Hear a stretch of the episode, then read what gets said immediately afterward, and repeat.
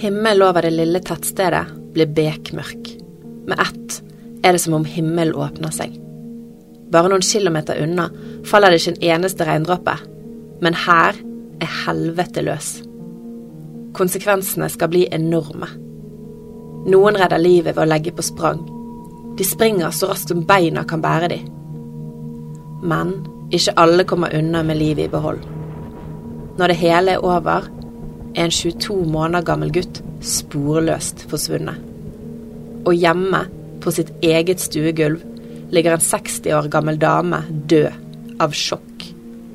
Dette er historien om katastrofen på Kvitseid. Du hører på Thea Dokumentar og katastrofen som drepte to. Vi som lager Thea Dokumentar, er Erik Edvardsen. Og Juni Vendelin Fasting. Er den 30. juni 1953. Vi er i Kviteseid, som ligger i Øvre Telemark. Kviteseid omkranser Kviteseidvannet, og via Telemarkskanalen har stedet sluseforbindelser helt ned til Skien. Denne dagen starter som en helt vanlig dag. Det regner litt over bygda, men det er ingen tegn til at det skal gå så galt som det til slutt skal gå. Når ettermiddag er blitt til kveld, er området forvandlet fra et lite idyllisk sted langs vannet til et inferno av vann, søle, ødelagte bygninger, og tragisk nok, det er ikke alle som kommer gjennom dagen med livet i behold. Det går galt, fryktelig galt. Utpå ettermiddagen 30. juni utvikler et helt normalt norsk sommervær seg raskt. Det som begynte som et helt vanlig regnvær, øker i styrke. Minutt for minutt blir det verre, verre og verre. Det senker seg et mørke over Kvitseid. Det blir så mørkt at flere innbyggere Thea snakker med i etterkant, forteller at de ikke kunne se mer enn tre-fire meter foran seg. Det er dystert mørke. Folk blir redde. Regnværet fortsetter bare å bli verre, og så skal det bli enda skumlere. For etter en periode med heftig regnvær, så snur nedbøren til hagl. Haglekornene vokser seg så store som små egg, og de dundrer nedover bygda. Smeller i hustak, takrenner og bilvinduer. Og nå skal situasjonen begynne å bli kritisk. For rundt omkring svulmer små bekker opp til store elver som raser av gårde. De bryter seg nye løp og herjer med omgivelsene. Veiene graves og vaskes bort, og store rullesteiner blir skjøvet ut i veibanen. Hus velter, og tusenvis av kubikkmeter jord raser. Jorder blir stående under vann.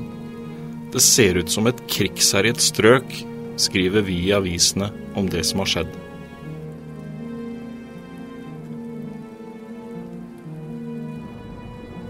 Idet været er i ferd med å tilta i styrke, er en familie på biltur på vei gjennom bygden. Familien fra Kristiansand, som består av mor, far og en 22 måneder gammel gutt, er ute og kjører i en varebil. De er på hovedveien og nærmer seg å passere Telemark folkehøgskole når det smeller. Det lille barnet ligger og sover søtt bak i bilen. Vannmassene flommer over veien, men det er mulig å komme seg fremover. Så skjer det. Plutselig gir veien etter.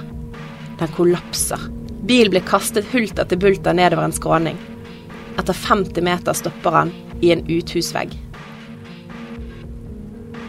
De to voksne blir kasta ut av bilen. Kona blir slått i svime. Mannen blir dratt med videre av vannmassene. Han klarer etter hvert å få fotfeste, og ferden stoppes. Han blir alvorlig skadet. Etter litt kommer det folk til for å hjelpe. De to foreldrene får legehjelp og kommer seg utover kvelden til hektene, viser avisrapportene fra den gangen. Men barnet, den lille gutten, bare 22 måneder gammel, han er forsvunnet. Borte. Ikke noe sted å finne. Vannmassene har sannsynligvis ført den lille kroppen helt ned til vannet. En sikker død. Tragedien er et faktum. Nå skjer det mye på kort tid i Kviteseid. Det lyner og det tordner. Den mørke himmelen ligger som et lokk over bygden.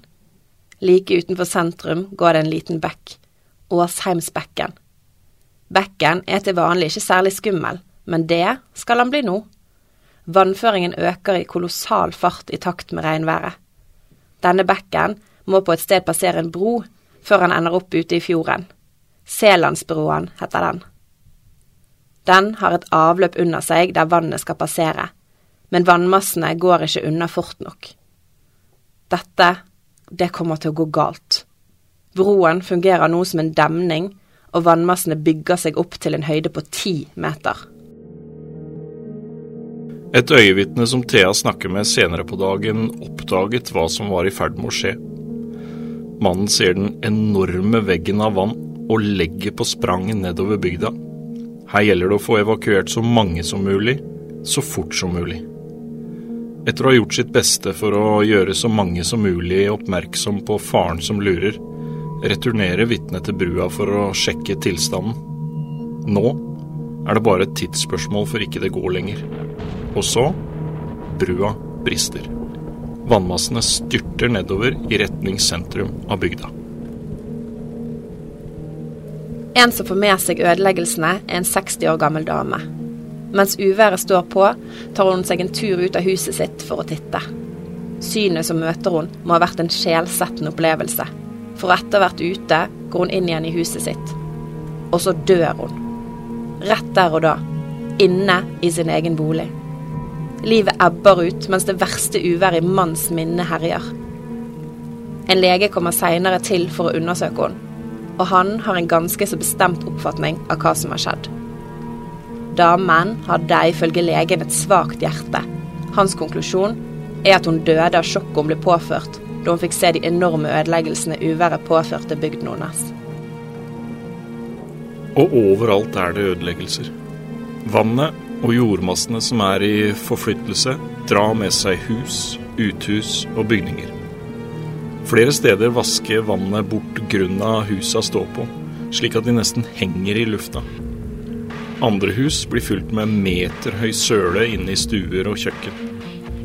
Telefonstorper blir revet over ende, og strømmen forsvinner. Og uværet er ikke bare ekstremt i styrke den lille timen det varer. Det er også ekstremt lokalt. I Morgedal, som ligger litt over en mil fra Kviteseid sentrum, faller det ikke én eneste regndråpe denne dagen. Dette mens store deler av Kviteseid ser ut som en krigssone. Dag og kveld blir til natt, og det er kanskje først dagen etterpå at det virkelig går opp for folk hvor stor katastrofen faktisk er. Når folk i Kviteseid våkner dagen etter, vet de at opplevelsen dagen før ikke er en vond drøm, men en vond virkelighet.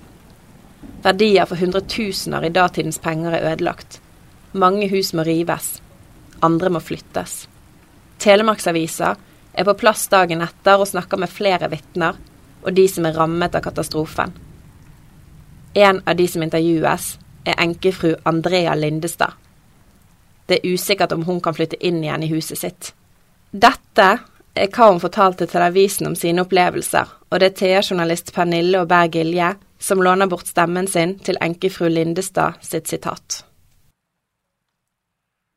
Jeg trodde verden skulle få gå. Det var vann overalt, vann og hagl så svære som kastanjer.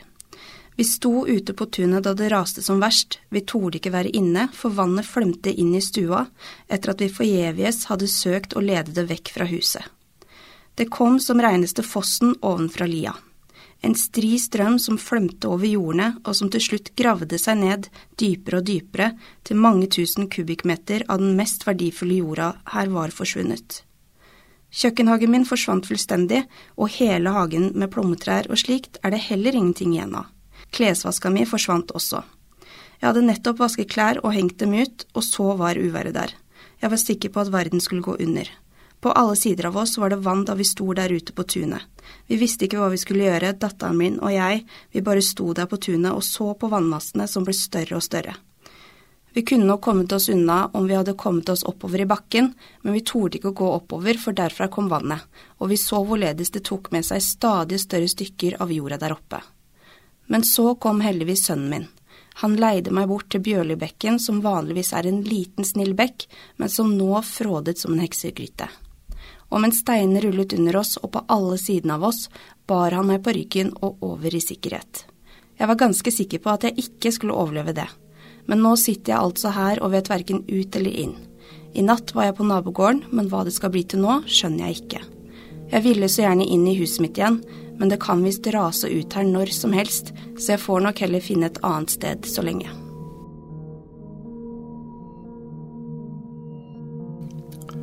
Og enkefru Linnestads historie er ikke unik. Det er flere som kan fortelle om lignende opplevelser. To døde, mennesker i sjokk og store økonomiske ødeleggelser. Resultatet av én times uvær er brutale. I kjølvannet av katastrofen i Kviteseid startes det kronerulling til ofrene i Telemarksavisa. Det sendes ut hjelp fra regjeringa, og opprydningsarbeidet starter. De skadelidende vil få hjelp på vanlig måte og så hurtig som mulig, lover landbruksministeren statsråd Rasmus Nordbø.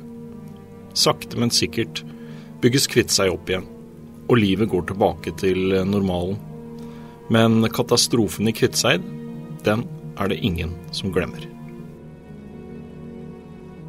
Du har hørt Thea Dokumentar 'Katastrofen som drepte to'. Vi som lager Thea Dokumentar, er Erik Edvardsen. Og Juni Vendelin Fasting. Musikken er laget av Simon Tekaste. Ansvarlig redaktør er Ove Meldingen. Manuset til denne episoden er skrevet på bakgrunn av avisartikler fra Theas arkiv. Har du tips til historier som du vil at vi skal fortelle? Ta kontakt med oss på dokumentar krøllalfathea.no.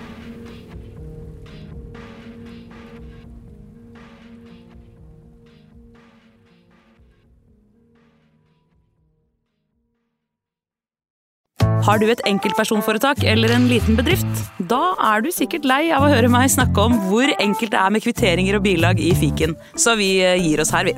Fordi vi liker enkelt. Fiken superenkelt regnskap.